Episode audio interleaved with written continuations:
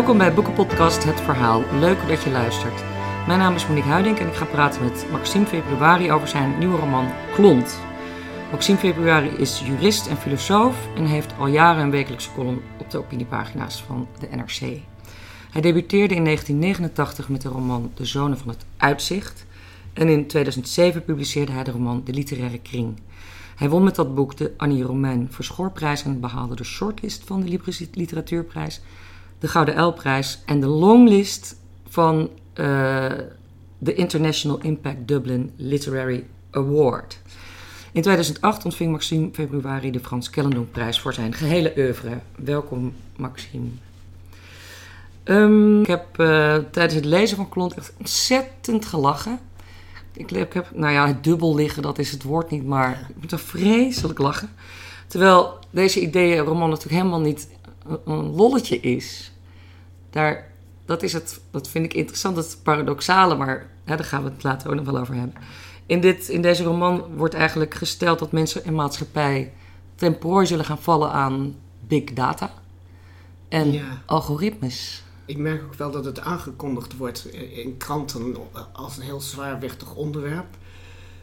En dat mensen van tevoren denken, nou daar hebben we eigenlijk geen zin in. Maar net zoals eh, allerlei uh, havermouten en zo die goed voor ons zijn, zullen we dan maar langzaam met, met tegenzin aan beginnen. En als ze het eenmaal uit hebben, zijn ze enorm opgelucht. Dus ik krijg ook voortdurend opgeluchte interviewers langs die grijnzen van oor tot oor en zeggen, nou ik vond het bij, bij nader inzien toch echt een heel erg Bij nader inzien. Omdat ze van tevoren dachten, dit wordt een, een verschrikkelijk zwaar...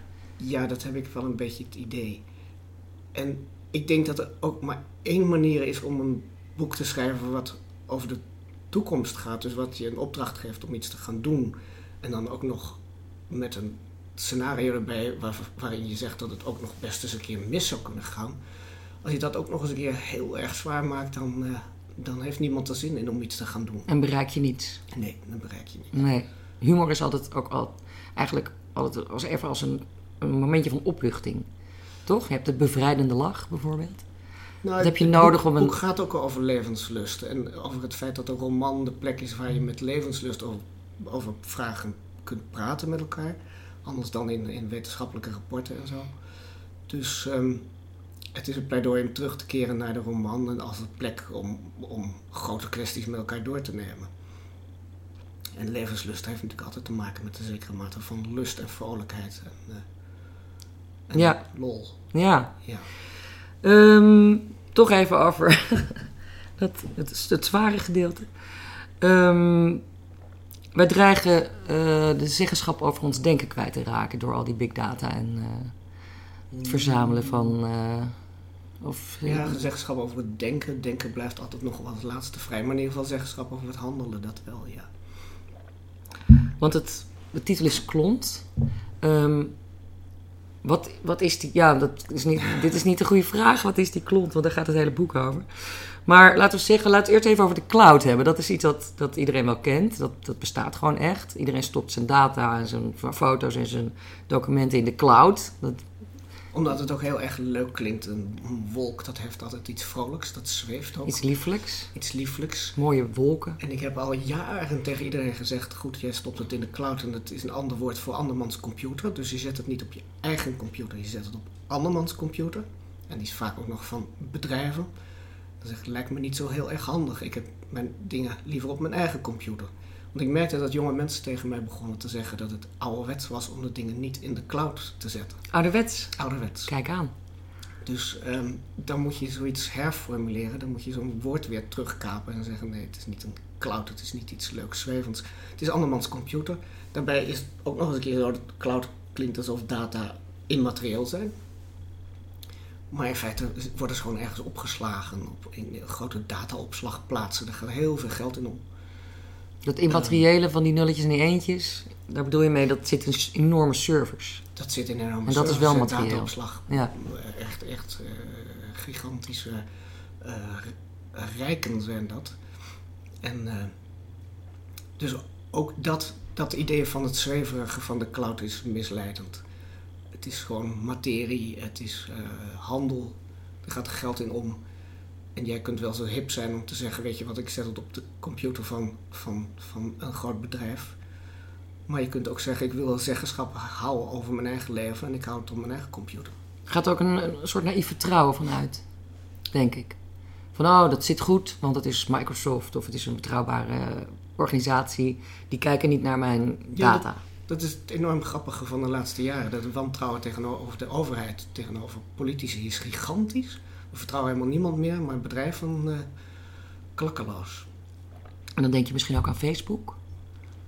Ja, ook aan Facebook en, en, en eh, al die grote... En Google natuurlijk. Er zijn vijf van die grote bedrijven. Amazon, Microsoft, Alibaba heb je nog in China.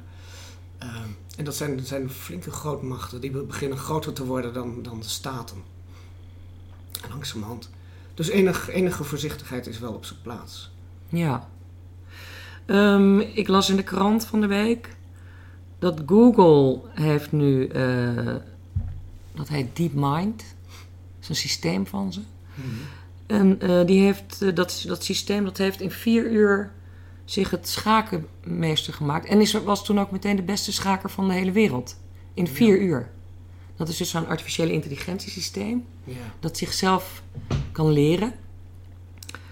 Ehm, ja, ik weet dan niet of ik daar nou blij mee ben of dat ik dat nou eng vind. Of, Nou, er zijn heel veel verschillende dingen over te zeggen. Ten eerste eh, wordt er natuurlijk al heel erg lang geprobeerd om die om eh, kunstmatige intelligentiesystemen spelletjes te leren. Go is ook eh, op een gegeven moment gewonnen. Een jaar geleden, twee jaar geleden, voor het eerst door een computer die tegenover mensen speelde. dat, is een, dat is een Japans En dat is ook een bordspel, ook een Ja. spel. Ik heb er niet zoveel verstand van. het ook niet precies. Ehm, maar ten eerste kun je zeggen dat zijn altijd nog domeinen die spelletjes eh, met waarin volmaakte informatie mogelijk is. Dus het is een afgebakend spel. Het is hermetisch eigenlijk. Het is herme- ja, ja. eh, kunstmatige intelligentiesystemen hebben veel grotere problemen met eh, cultuurverschijnselen. Dus ze kunnen heel goed eh, conversaties van mensen bijvoorbeeld eh, in audio-opname ontcijferen. Wij stoppen straks dit gesprek van ons ergens in het systeem en dan wordt dat netjes opgeschreven en weergegeven. Maar zouden wij nu, wat God verhoede, een grapje maken, dan snapt zo'n systeem dat niet. Eh, sarcasme wordt niet herkend. En al die miljarden kleine culturele verwijzingen die je in gesprekken stopt, die kunnen kunstmatige intelligente systemen nog heel moeilijk aanleren. Dus schaakspel wel, maar dat is overzichtelijk. Maar een vrij simpel gesprek met allerlei verwijzingen naar eh, het werk van Annie M. Of zo, dat lukt alweer een stuk minder. Ja, Eh, en de verwachting is ook niet dat, dat dat nou zo hard zal gaan. En ten tweede is het zo dat, juist doordat dat heel verschillend is, het begrip van kunstmatige systemen, ehm, zij straks leuk met zichzelf allemaal dingen gaan doen en dat wij nog steeds onze eigen cultuur als menselijke cultuur voor onszelf hebben overhouden. Dus er worden st- straks gaan twee verschillende werelden ontstaan. En de ene wordt geregeerd door de kunstmatige intelligente systemen. Die gaan waarschijnlijk ook onze wereld voor een groot deel regeren. En wij zelf moeten dan een beetje zien uit te zoeken wat we. En wij zingen, zingen en dansen erbij. Wij zingen en dansen. ja. Ah, prima. Helemaal niet prima trouwens. Ehm, dit, eh, dit boek, Klont, begint met eh, Alexei Krups. Dat is een van de hoofdpersonen en de ik-persoon. Hij lijkt de, verte- de verteller ook te zijn, maar dat is niet, werd mij niet helemaal precies duidelijk. Maar dat is ook niet zo belangrijk, denk ik. En eh, de eerste hoofdstuk heet Alexei Kruip. Ja, nee, hoofdstuk, het is een voorwoord. Alexei Krups schrijft een voorwoord. Zo begint het boek. En de eerste alinea is: De klont is de vijand.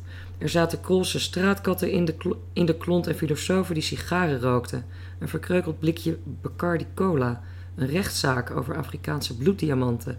Een handvol digitale wormen en wat muzicerende bonobo's. En nog veel meer natuurlijk, maar zo krijg je een beetje een idee. Dit is het eerste, eh, de eerste alinea uit het boek. Die klont, dat, nou ja, we zijn als leven nu natuurlijk reuze benieuwd wat in vrede. Wat is dat voor een ra- rare uilenbal aan eh, dingen en, en, en ja, wat is het, de klont? Daar gaat het hele boek in feite ook over. Ehm, en die ik-figuur, Alexei Krups, is eigenlijk degene die de klont ook min of meer beschreven heeft, ontdekt heeft. Ja, het, het boek gaat er in feite over dat helemaal niemand weet wat die klont is. Ja, Maar dat dat helemaal niks uitmaakt, omdat je er toch heel gewoon genoeglijke krantenstukken over kunt schrijven en lezingen geven. En zonder dat ook het publiek enig idee heeft wat het is. Maar dat, ook dat maakt niet uit, want Ja, het kan toch een enorme hype worden, zo'n klont. precies. Want die Alexei Krub is gewoon eigenlijk een oplichter, een charlatan. Dat zegt hij ook. Ik Nou, mijn, daar- daar- daar hij, plag, hij heeft plagiaat als beroep, zegt hij zelf. Ja, maar er zijn wel kanten. Je moet nooit geloven wat iemand zegt natuurlijk. Eh, hij zegt dat hij een oplichter is, maar, maar als je het boek leest, dan zegt hij toch best heel zinnige dingen.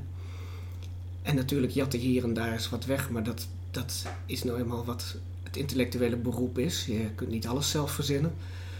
Dus hij beroept zich op het werk van anderen en hij voelt zich een oplichter, eh, vooral omdat het publiek dingen van hem verwacht.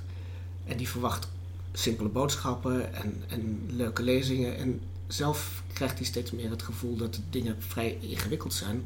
Hij krijgt dat ook op een podium niet meer voor elkaar om dat, eh, dat verwoord te krijgen of om daar aandacht voor te trekken.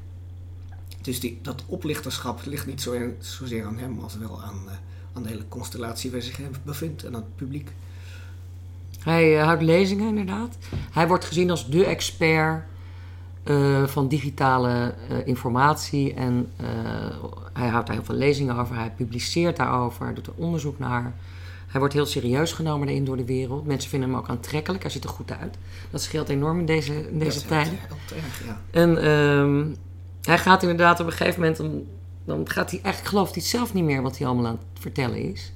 Of hij denkt ook van ja, weet je wat, ik kan ze ook eigenlijk in feite alles op de mouw spelden. Als het maar een goed verhaal is. Ja, Ik hoef niet uit te leggen hoe het werkt. Als ik maar alles eromheen vertel van wat het allemaal eventueel zou kunnen zijn. ja. Dat is, eh, dat is iets wat volgens mij op veel meer terreinen speelt voor wat betreft het, het menselijk tekort eh, versus het menselijk vernuft. Dat we natuurlijk van heel veel dingen helemaal niet meer begrijpen hoe het werkt. Ja, dat is de paradox die, die in, in de kern van dit boek zit. Die pretentie van wetenschappers en van bestuurders dat we alles volledig in de greep hebben. Eh, het ministerie heet ook een ministerie van Veiligheid, omdat er wordt beloofd natuurlijk dat de wereld volkomen veilig wordt als je maar de staat en de bedrijven meer bevoegdheden ge- geeft. Eh, dus die pretentie van volslagen greep en aan de andere kant het, het volkomen onbegrip dat, dat langzaam dat groeiende is. Want we zijn zoveel dingen aan het doen waarvan we niet meer weten wat het gaat uitrichten. Dat het onbegrip veel groter is dan 100 jaar geleden. Ja, dus hoe meer we eh, weten, hoe minder we begrijpen, Ja. is het cliché. Maar dat, dat geldt al maar meer, denk Mhm. ik, hè, bedoel je? Ja, Geen idee echt meer wat we aan Nee. doen. Maar je drukt Nee. gewoon op een knopje en dan, dan hoor je muziek.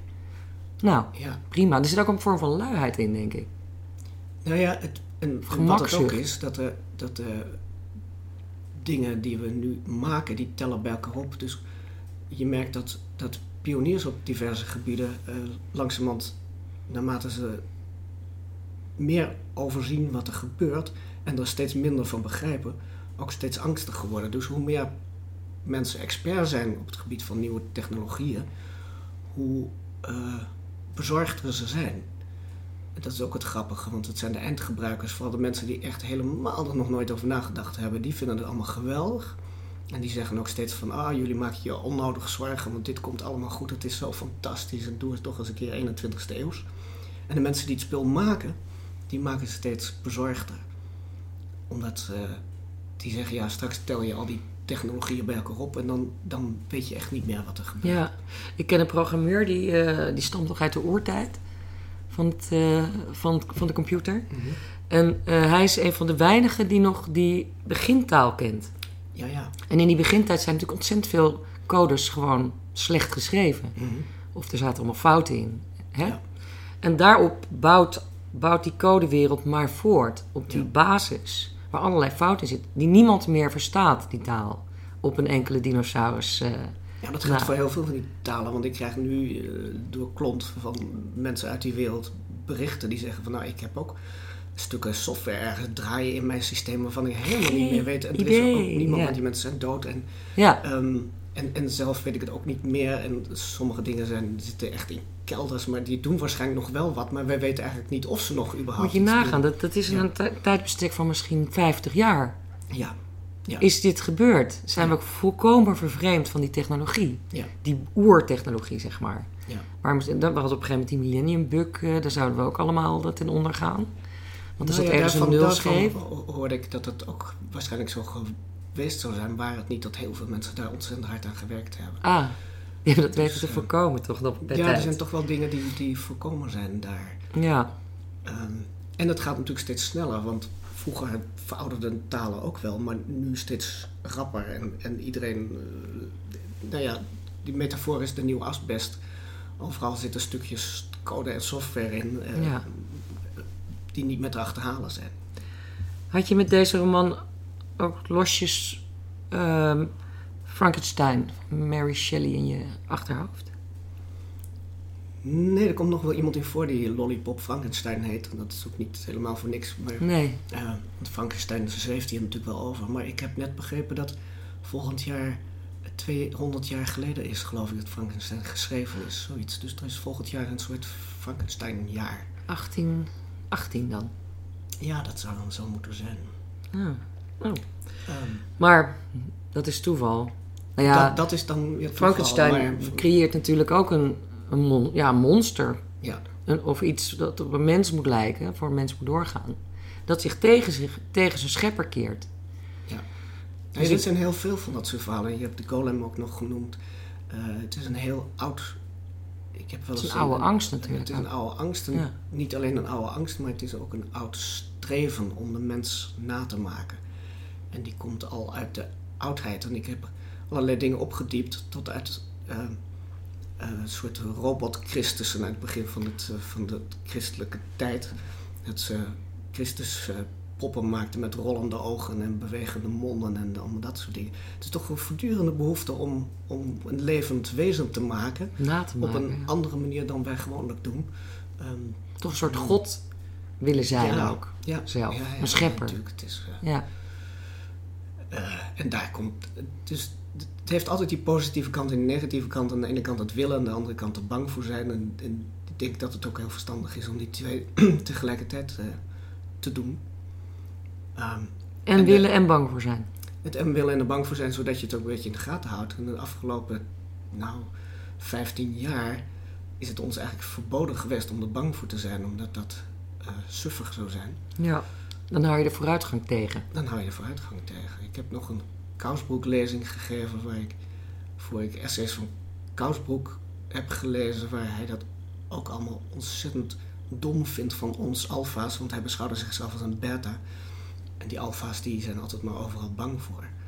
Ehm, maar goed, op het moment is het best verstandig. Er zit altijd een alfa-kant aan technologie, want het doet namelijk iets. En het doet iets met mensen, en het doet iets met de samenleving. Dus daar moet je die alfa's daar weer voor hebben om te kijken wat dat precies doet. En Maar het is ook taal. het is taal, ja. De kern is taal. Mhm. Ja, En zonder taal eh, kun je nauwelijks denken. Je denkt in taal, denk ik toch? Of, ja, en wij leven in taal. Je ziet ook aan de eh, juristen dat ze nu heel erg zoeken naar manieren om allerlei juridische beslissingen te automatiseren. Of eh, niet alleen automatisch te maken, maar ook autonoom te maken. dat iets Eh. wat een rechter zou kunnen vervangen? Wat een rechter zou kunnen vervangen, rechtelijke beslissingen, ook contracten kan vervangen. We hebben natuurlijk al het verschijnsel van de slimme contracten, waar geen Oh. mens aan te pas komt. Want sluiten, eh, je, je koelkast die kan zelf bedenken dat er geen melk meer is en die koopt melk bij de winkel. Oh, dat is ook een Zonder- contract natuurlijk. Dat is een ja. contract, zonder jouw tussenkomst. Maar dat kun je ook doen met, eh met aandeleninvesteringen. Dan komen er geen bankiers meer aan te pas, komen geen advocaten meer aan te pas. Je kunt heel veel mensen eruit gooien. Dan gaat dat vanzelf. En zolang eh, dat nog vrij saaie opdrachten zijn, kan dat wel. Eh, maar over het algemeen is, is recht natuurlijk ook iets wat uit taal bestaat en dus Ja. uit interpretatie bestaat. En dus iets is waar wij in het verleden overheen hingen met elkaar en gesprekken over hadden. Als je dat weghaalt, dan kun je eigenlijk alleen maar, net zoals met zo'n schaakspel, hele simpele contracten afsluiten in, binnen volledige informatie. Ja, dan moet alles ook perfect passen in Dan wat er in dat regeltje van dat wetje Ja. staat. Ja. een complexe, licht, een lichte afwijking Maar zodra- leidt al tot een crisis dan Ja, natuurlijk.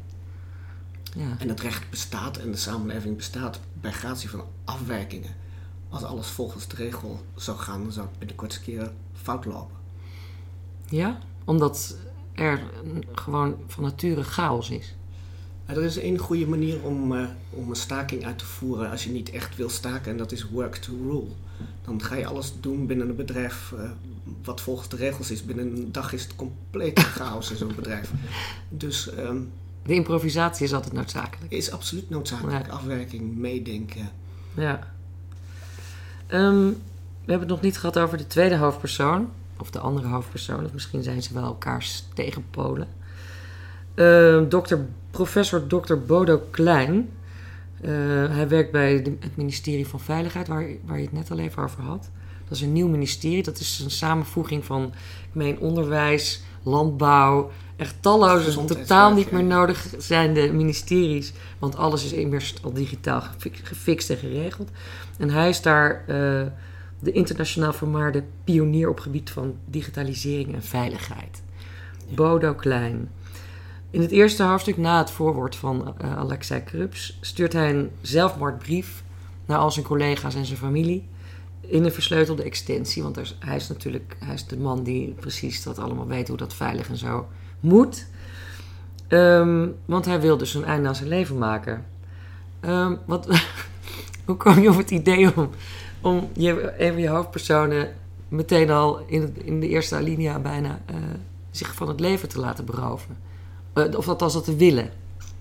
Ja, ik weet het eigenlijk helemaal niet meer. Er kwam een, een- bij mijzelf een hele onduidelijke mail binnen met een bestand dat ik niet open kreeg en waarvan ik dacht dat er iets vreselijks in stond. En toen zat ik op dat moment naar mezelf te kijken, omdat ik zocht naar allemaal eh, software die zou kunnen zorgen dat ik dat bestand alsnog wel open kreeg. Ja. Ik snapte hoe absurd dit was. Dat je tegelijkertijd denkt, er is iets heel ergs aan de hand. En aan de andere kant bezig je met- toch met weten? de technische oplossingen om dat, om dat briefje open te krijgen. En dat belandde dus in die, in die roman. En dan, ja, dan moet iemand dood. Soms moet er iemand dood in een roman, maar Ja. dat kun je moeilijk in de eerste zin al laten doen, want dan heb je er niks meer aan. Dus Nee, maar hij heeft het voornemen. En dat zet zijn hele leven eigenlijk op zijn kop. En wat er met die beide personen... Ik zei, er komen natuurlijk nog veel meer personages in het boek voor, even voor de luisteraar. Ehm, maar Bodo Klein en Alexei Krups, die zijn eigenlijk een beetje elkaars tegendelen, maar ook weer niet helemaal. Want eh, Bodo Klein die krijgt de opdracht van zijn minister van Veiligheid... om uit te gaan zoeken waar die Krups nou de hele tijd over heeft. Wat, wat het is met die klont. Hoe zit dat in elkaar? Maar door zijn zelfmoordbrief, terwijl hij pleegt uiteindelijk geen zelfmoord... Of hij noemt het zijn onfortuinlijke zelfmoord. Dat is wel erg leuk. Dat is mislukt, maar nee, het wordt natuurlijk helemaal niet meer serieus genomen daardoor. Van ja, wat krijgen we nou? En dan pleegt hij niet eens zelfmoord, die sukkel. En ze raken steeds, die twee per- hoofdpersonen raken steeds een beetje verder... worden een beetje onmenselijkt. Of ze raken steeds verder van andere mensen vandaan. Ze Nou, worden volgens- buitenstaanders. Volgens mij waren ze dat altijd. Een beetje verdolde, eenzame mannen. Eh, daar ben ik heel goed in. Op hun eigen manier. Ja. Verdolde, eenzame mannen. En ehm, die Bodo Klein, die was dat al. En dat is ook een reden waarom die denkt, nou ja, dan, dan hef ik mijzelf maar op. Want, want verder heeft toch niemand iets aan mij. Het is een over- overtollig mens geworden. Ja. En eh, ik zou haast kunnen zeggen, voor het- eerst dat ik dit bedenk, het is een voltooid leven. Oeh. Maar eh, in ieder geval, hij, ehm, hij denkt dat hij dood moet. En omdat hij vervolgens natuurlijk niet zomaar de volgende dag, als hij toch niet dood is, terug kan keren naar zijn oude baan. Omdat dat een beetje ongemakkelijk zou zijn voor iedereen. Eh, Want daar heeft hij ook die brief naar gestuurd. naar ja, zijn hij collega. stuurde het ook naar zijn collega's. Dus daarom denkt de minister, nou laat hem dan maar eventjes achter die Alexei aangaan. Beetje in de luwte In blijven. de luwte blijven, kijken. eh, ga maar eens wat lezingen van hem bekijken en beluisteren. En, eh, en, en rapporteer terug, want zij is net van plan geweest om die Alexei in een denktank te zetten. En ze wil wel zeker weten dat ze daarmee een goede kracht in huis haalt. Dus het is een, een wat onnozel klusje voor iemand in deze functie, maar hij kan toch even niks anders, dus dat doet hij dan maar. Ja, en zo komen ze met, zo gaan die levens elkaar. Ze komen ze met Raken, elkaar in ja. verband, maar ze, eigenlijk zijn ze allebei wat verdoold in die wereld van, ehm, van bestuur, beleid en eh, het nadenken over. En, en, en van, van lezingen en debat. Eigenlijk zijn ze er allebei te serieus voor. Alleen ze kiezen voor de tegenovergestelde oplossing. De een trekt zich terug, dat doet Bodo. En die Alexia die gaat juist die, doet de vlucht voorwaarts. Ja. Door maar, dan maar heel beroemd te worden. Die vliegt er als een dolle in, inderdaad. Ja. Wat hem ook niet helemaal uiteindelijk goed bekomt. Ehm, je gebruikt de paradox eh, heel erg vaak als stijlfiguur. Ehm, en de- deze roman zit ook vol met paradoxachtige situaties. Ten eerste is het een roman die... Of ten eerste... Het is een roman die gaat over het opheffen van de roman. Of het overbodig verklaren van de roman. Ehm Alexei Krups die beweert eh, op een gegeven moment... De roman is een intelligent systeem... Een autonoom stelsel dat mysterieuze patronen kan aanwijzen in de werkelijkheid. En dan later zegt hij... In feite is de roman in onze tijd natuurlijk volslagen overbodig. Mhm. Ehm, hoe belangrijk is, eh, eh, hoe belangrijk is die, is die menselijke verbeelding en dat zich uitdrukken in taal in deze tijd tegenover die eh, ja, zeg maar betekenisloze data? Ja, nou, ik, denk, ik denk zelf dat de roman... Maar ik ben een heel rom- romantisch type. Ik denk dat die roman en de verbeelding en het leven zelf... en, en het analoge bestaan en, en, en, en de natuur... dat dat allemaal enorm van belang is. Maar ik loop wel steeds meer tegen mensen aan die zeggen... dat we straks alles kunnen regeren op basis van data. Dus dat we heel veel van die, van die betekenissystemen... die wij tot nu toe hadden opgezet, wel kunnen afschaffen. En dat Dat- wil zeggen afschaffen van nee, de cultuur. En dat zou ik dan toch wel weer jammer vinden, want dan hebben we helemaal niets meer te doen. Ja, want je stelt ook eigenlijk dat ehm, door al die kennis die in al die systemen over ons als individu, wij van een, eerst van een kennende mens, dus je leert in je leven van alles en dan, dan weet je, dan probeer je dingen te begrijpen, nu helemaal gekend zijn door neutrale, ja, het zijn helemaal geen neutrale systemen natuurlijk, algoritmes. Want die algoritmes worden ook door iemand gemaakt. Die zijn een keer door iemand gemaakt. Ehm, nu weet ik niet meer wat ik wilde zeggen. Dat is nou verdomde jammer. Nou ja, het is het fenomeen dat je eh, met de overgang bijvoorbeeld van de gewone papieren krant, als je een krant leest, dan ben jij subject. Op het moment dat je een digitale krant leest, ben je object, want het krant kijkt naar jou, kijkt hoe lang jij doet over een artikel. Is dat zo? Eh, ja, daar wordt Oh, bijgehouden hoe lang je leest. En dat op de burelen van de krant hangen. Hangt eh, mijn foto, in- nou, Ze heeft er tien minuten te lang over gedaan. Jee, wat leest die traag. nee, dat, jij wordt er niet op afgerekend. De auteurs worden erop afgerekend. Dus er worden überhaupt uitgelezen rang- ranglijsten gemaakt. Van Ja. wat het meest gelezen wordt, wat het langst gelezen wordt, of het het meest intensief gelezen wordt. En in feite hangt het een beetje vanaf wat je allemaal hebt openstaan op die mooie laptop. Ehm, oogbewegingen kunnen worden gevolgd. Oh nee, ik heb het afgeplakt. Ja, dat is heel verstandig. Heel veel mensen hebben het niet afgeplakt. Ja, Dan worden oogbewegingen gevolgd. Er kan van alles en nog wat afgeleid worden Ja. aan wat jij leest in een digitale krant. De muisbewegingen, de bewegingen van je cursor over het scherm kunnen worden gevormd. wil niet zeggen dat iedere nette krant dat doet, maar het kan wel. ja. Dus dat wil zeggen dat hier en daar in, in de samenleving, hier en daar op het internet gebeuren dat soort dingen. Er wordt bijgehouden wat jouw gedrag is. En afgaande daarvan wordt je vervolgens, krijg je iets nieuws op je afgestuurd. Dus dat wil zeggen dat je niet langer als subject, autonoom subject, de krant zit te lezen.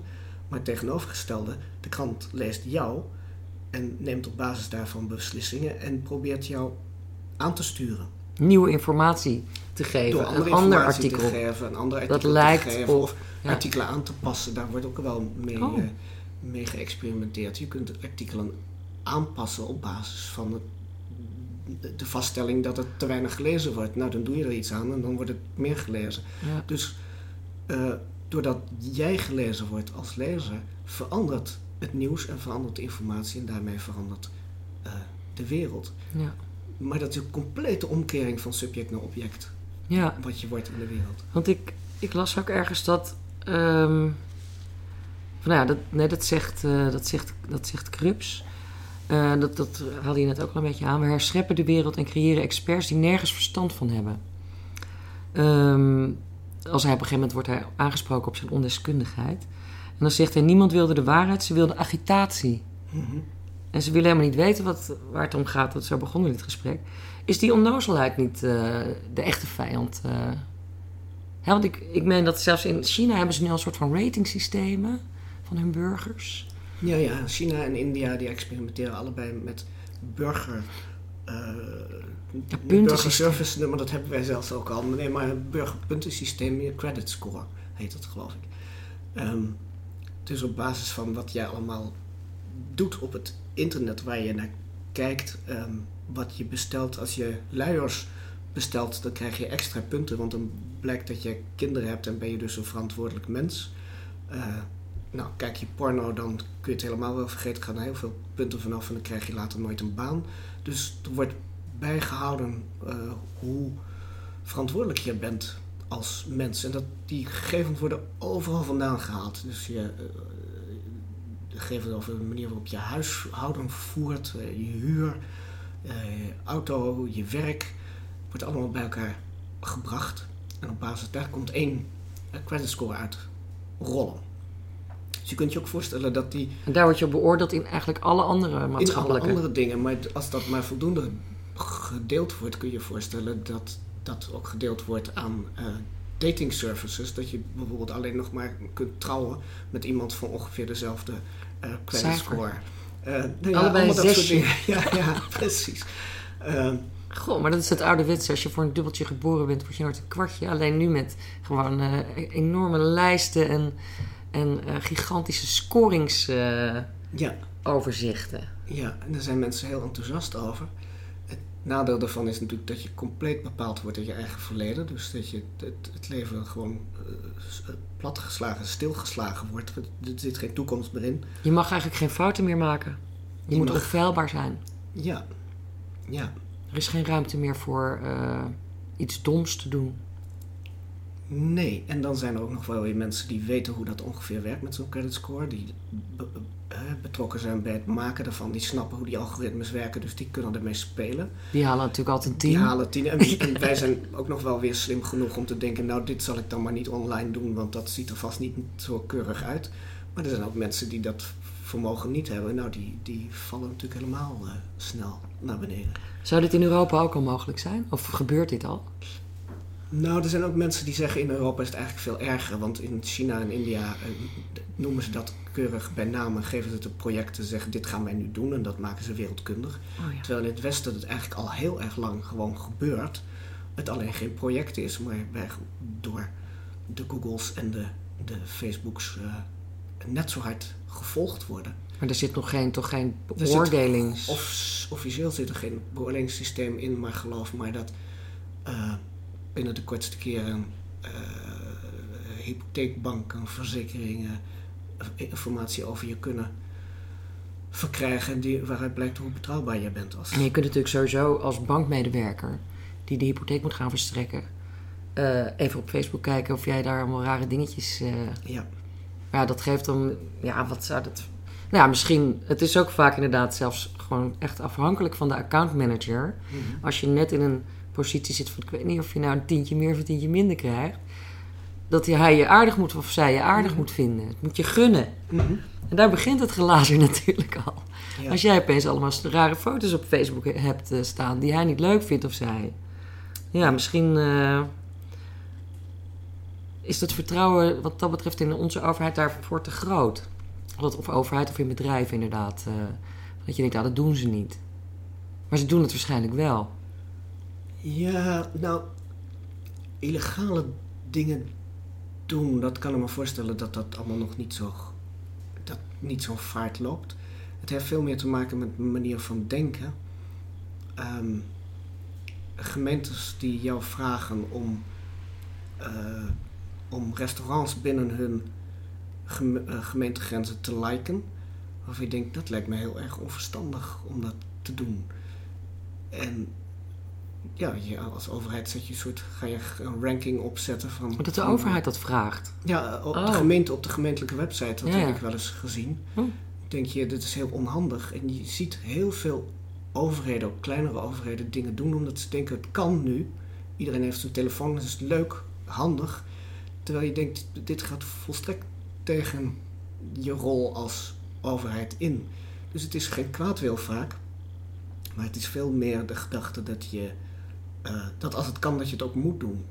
Bij alle lezingen die ik tegenwoordig geef, wordt gevraagd aan de bezoekers in de zaal om per telefoon eh, te stemmen over mijn, eh, mijn Oh. stellingen of wat dan ook. Ja. Het zijn van die dingen waarvan je denkt, oh die mensen die zitten in die zaal, die hebben een telefoontje, laten we daar iets mee doen. Ja, Terwijl je denkt, misschien was het dit eigenlijk niet de bedoeling van het houden van een verhaal. Want je raakt in de oplichtersverleiding. van nou, laat ik dan maar zo leuk mogelijk verhaal komen want ik moet die punten hebben. Want ik moet, ik moet ja, scoren. e- evaluatie formuleren bij alles. Weet je, dat gescoord worden. Ja. Ja, Ik houd deze week weer een lezing waar ik gescoord ga worden. En nou, het is bijna overal zo. Bij ja. alle congressen. En er wordt helemaal niet over nagedacht. Wordt ook niet gevraagd. Ik vind het eigenlijk een beetje onbeleefd. Wordt niet gevraagd. Nee. Onbeschoft eigenlijk. Omdat ja, zomaar... Het is, het is niet zo heel fijn en het, en het gaat. Ook omdat je het er niet over kunt hebben, want het verleidt tot die Alexei-oplossing. Van nou laat ik dan maar Een leuke boy uithangen. leuk, leuk gaan staan wezen. Want dan, Ja, en dan hoef je het en, verder... en, en wat je een beetje kwijtraakt is eh, iets aan, aan inhoud. En Daar ging het nou juist... Dat, dat was nou juist zo belangrijk. Om ja, die een beetje inhoud, in- althans te wel. kijken of je nog een beetje- leuk zijn, maar... of je nog een beetje de greep op de werkelijkheid kon houden. mhm. Of het denken daarover in ieder geval te verwoorden. Ehm, uiteindelijk eh, gaat het in dit boek ook heel erg over die hele andere kant van eh, eh, gewoon je privacy. En het recht op onzichtbaarheid. En gewoon niet gekend worden door, door iemand of door iets anders. Bij Bodo en zijn vrouw zit er ook een, een, een ontwikkeling in dat hij eigenlijk erachter komt dat hij haar eigenlijk nauwelijks hij kent haar eigenlijk helemaal niet zo goed. Of ze is veranderd. Of iets dergelijks. Maar bij hem is er ook een diep verlangen om niet gekend te worden. Hij wil gewoon niet dat iemand alles hem doorziet. Dat Nee. wil hij niet. Nee. Ik denk dat dat een, dat een diep gevoeld... Ik denk dat heel veel mensen dat niet willen. Nee. Aan de andere kant is er altijd een Niet groot door verlangen... iedereen althans. Nee, en dus, er zit hier in dat huwelijk iets waarbij je juist ziet dat, dat de band heel sterk is. Want het is best een goed huwelijk, maar ze zweven een beetje langs elkaar in deze periode. Ehm, maar dat er iets onuitgesprokens is wat hen verbindt. Wat helemaal niet te maken heeft met, met eh, gegevens, laat ik het zo zeggen. Ze, ze hoeven sommige dingen niet te weten van elkaar. Ze hoeven het niet met elkaar door te nemen om toch een band te hebben Ja, die onuitgesproken is en die, die even wat minder is aan het begin van het boek, waardoor hij ook zo ongelukkig is en die nog net op de laatste pagina weer wordt hersteld. nou leuk. Door haar, want hij doet nooit zoveel. Ehm, dus ook daar gaat het om het een pleidooi voor het onuitgesprokene in plaats van alles te denken te kennen, Hm. doordat je wat gegevens over iemand hebt. Ja, maar dat is natuurlijk ook erg, erg in tegenstrijd met elkaar. Omdat er is ook vanuit mensen vaak een groot verlangen om juist zichzelf te kennen. Mhm. of zichzelf in de ander te herkennen. Daar zit ook een soort van godsreligieus iets in. Van ja, God, in- jezelf in God zoeken of God in jezelf of iets dergelijks. En ehm, aan de andere kant ook eh, dat enorme weerzin tegen het idee van ja, straks eh, hè, iemand, iemand zit gewoon mijn gegevens uit te lezen. Want er moet volgens mij toch altijd nog wel een mens weer aan te pas komen. Hoewel in dit boek op een gegeven moment dat hoeft dat ook eigenlijk al niet meer. Om te beoordelen of jij wel of niet nog mag deelnemen aan een congres of aan een cursus of aan of werk krijgt of iets dergelijks. Maar er zit toch altijd nog wel een moment tussen dat, dacht ik, dat de mensen. Ja, dat, dat, hoeft, dat hoeft niet. Er zit een mens aan het begin die, die definieert de data. Dus daar zit een menselijke kant in. Ehm, nou, ik denk dat mensen het behoefte hebben om diep gekend te worden en dat je juist de wanhoop kan oplaaien op het moment dat andere mensen denken je te kennen omdat ze een paar gegevens over je hebben. En je dan Ik- verkeerd begrijpen. Nou, en, en daar van alles aan ophangen. Ik heb eh, mijn hele leven worstel ik met het feit dat als mensen iets over mij schrijven, dat ze vervolgens mijn geboorteplaats daarbij zetten. Ik ben daar voordat ik één was vandaan gegaan en ik ben daar tot vorig jaar of twee jaar geleden nooit meer teruggekomen. Dus die geboorteplaats zegt helemaal niets over mij. Maar het wordt er altijd achter mijn naam gezet. Alsof het een signaal van iets is. En mijn wanhoop is dat ik denk dat daar van alles uit wordt afgelezen. Van, oh, kom jij daar vandaan? Nou weten we precies wat voor mannetje jij bent. Terwijl, ehm, dit is overigens ehm, een citaat uit Paulus de Boskebouter. De heks glip daar roept, ben jij dat mannetje? En dan zegt Paulus, nee, ik ben dat mannetje niet. Maar ehm, dat gevoel van, nee, ik ben dat mannetje niet. Van, jij weet helemaal niet wie ik ben. En je weet helemaal niet wie ik ben omdat je toevallig leest dat ik in Koevoorde geboren ben. Ehm, Is het ook echt Koevoorde? ja, het is Koevoorde, ja. Maar ja, wat, wat zegt Koevoorde? En toch Ja. aanhoudend. En soms vraag ik het ook aan interviewers, laat het weg. En dan zeggen ze, nee, het moet, moet erbij. ja, want dat is het begin. Dat is het officiële begin. Dat is Dat een startpunt hebben. Ja, goed. En je telt een paar van dit soort gegevens over iemand op. En je denkt ook, ik weet nou precies hoe jij in elkaar zit. Dus ik, ik kan ook soms met angst en beven denken aan het moment waarop ik dood ben en iemand besluit eh, voor een afstudeerscriptie een biografie over mij te gaan schrijven. En dat zo iemand dan denkt iets van mij te weten. Vanwege Koevoorde. Vanwege Koevoorde en vanwege nog zo'n paar van die grote levensgebeurtenissen van mij.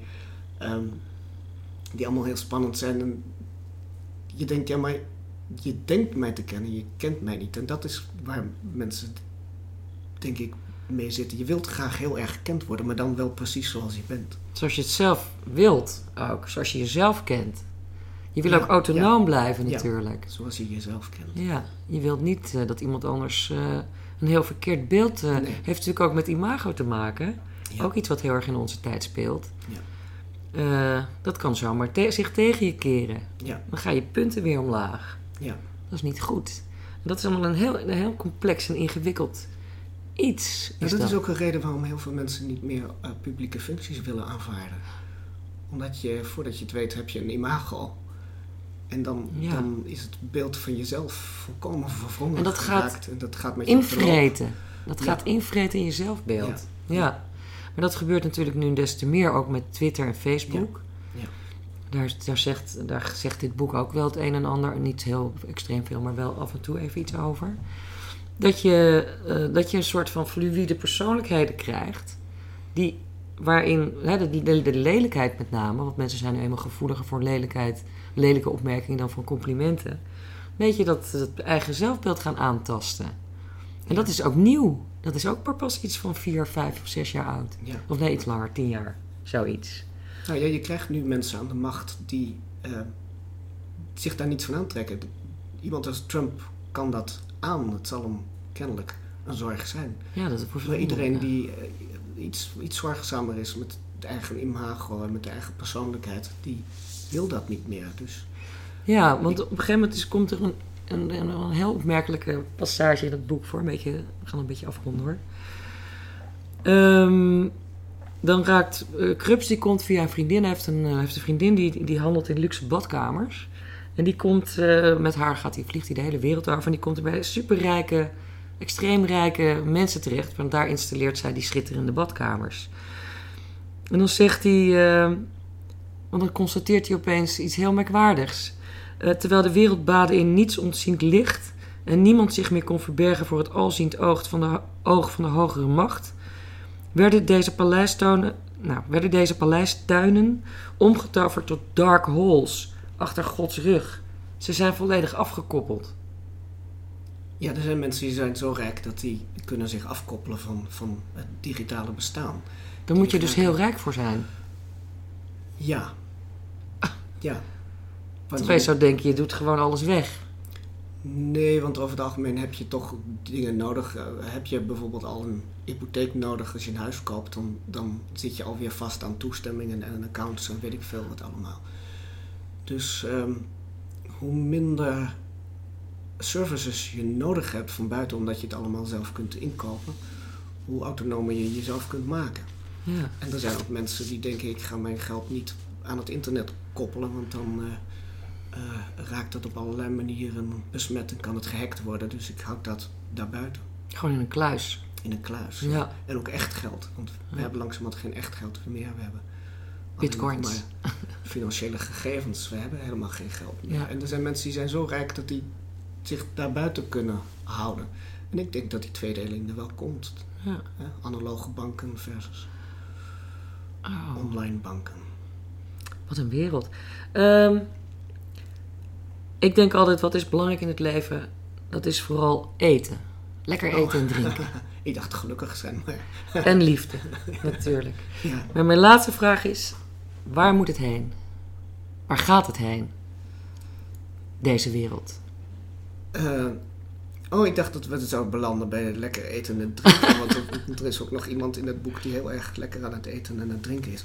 Ja, Ehm, ehm, nou ja, het, het gaat dezelfde kant op als altijd. We modderen gewoon verder. En het is een kwestie van proberen de balans te houden. Dus als, je, als een ontwikkeling heel hard gaat, dan moet je zorgen dat je die ook op tijd weer bijstuurt. En dat is onze opdracht op het moment. Dus het gaat nooit helemaal goed en het gaat ook nooit helemaal fout. Ehm, het gaat altijd maar zoals het gaat. En de opdracht die je zelf hebt is te kiezen aan welke kant van de boot je gaat zitten. maar dat geldt dus voor elk individu. Dat geldt voor elk individu. En in de tussentijd moet je, aangezien je niet alleen maar opdrachten in het leven hebt, eh, ook nog gewoon een beetje leven en het liefst analoog en een beetje levenslustig. Ja, lekker eten en drinken. En lekker eten en En drinken. dansen. Zo. En liefde. Ja, liefde ook. Ja. Oké, nou hartelijk dank voor dit gesprek. Ik sprak met Maxime Februari over zijn nieuwe roman Klont. Je kunt je op deze boekenpodcast abonneren via iTunes, Soundcloud en Stitcher. Dat is allemaal internet, dus doe het eigenlijk maar niet. je kunt deze podcast ook financieel steunen met een donatie. Dat gaat ook allemaal via internet, namelijk via de website podcasthetverhaal.nl. En op de pagina Steun het Verhaal kun je een bedrag naar keuze overmaken. Alvast hartelijk dank en tot de volgende keer.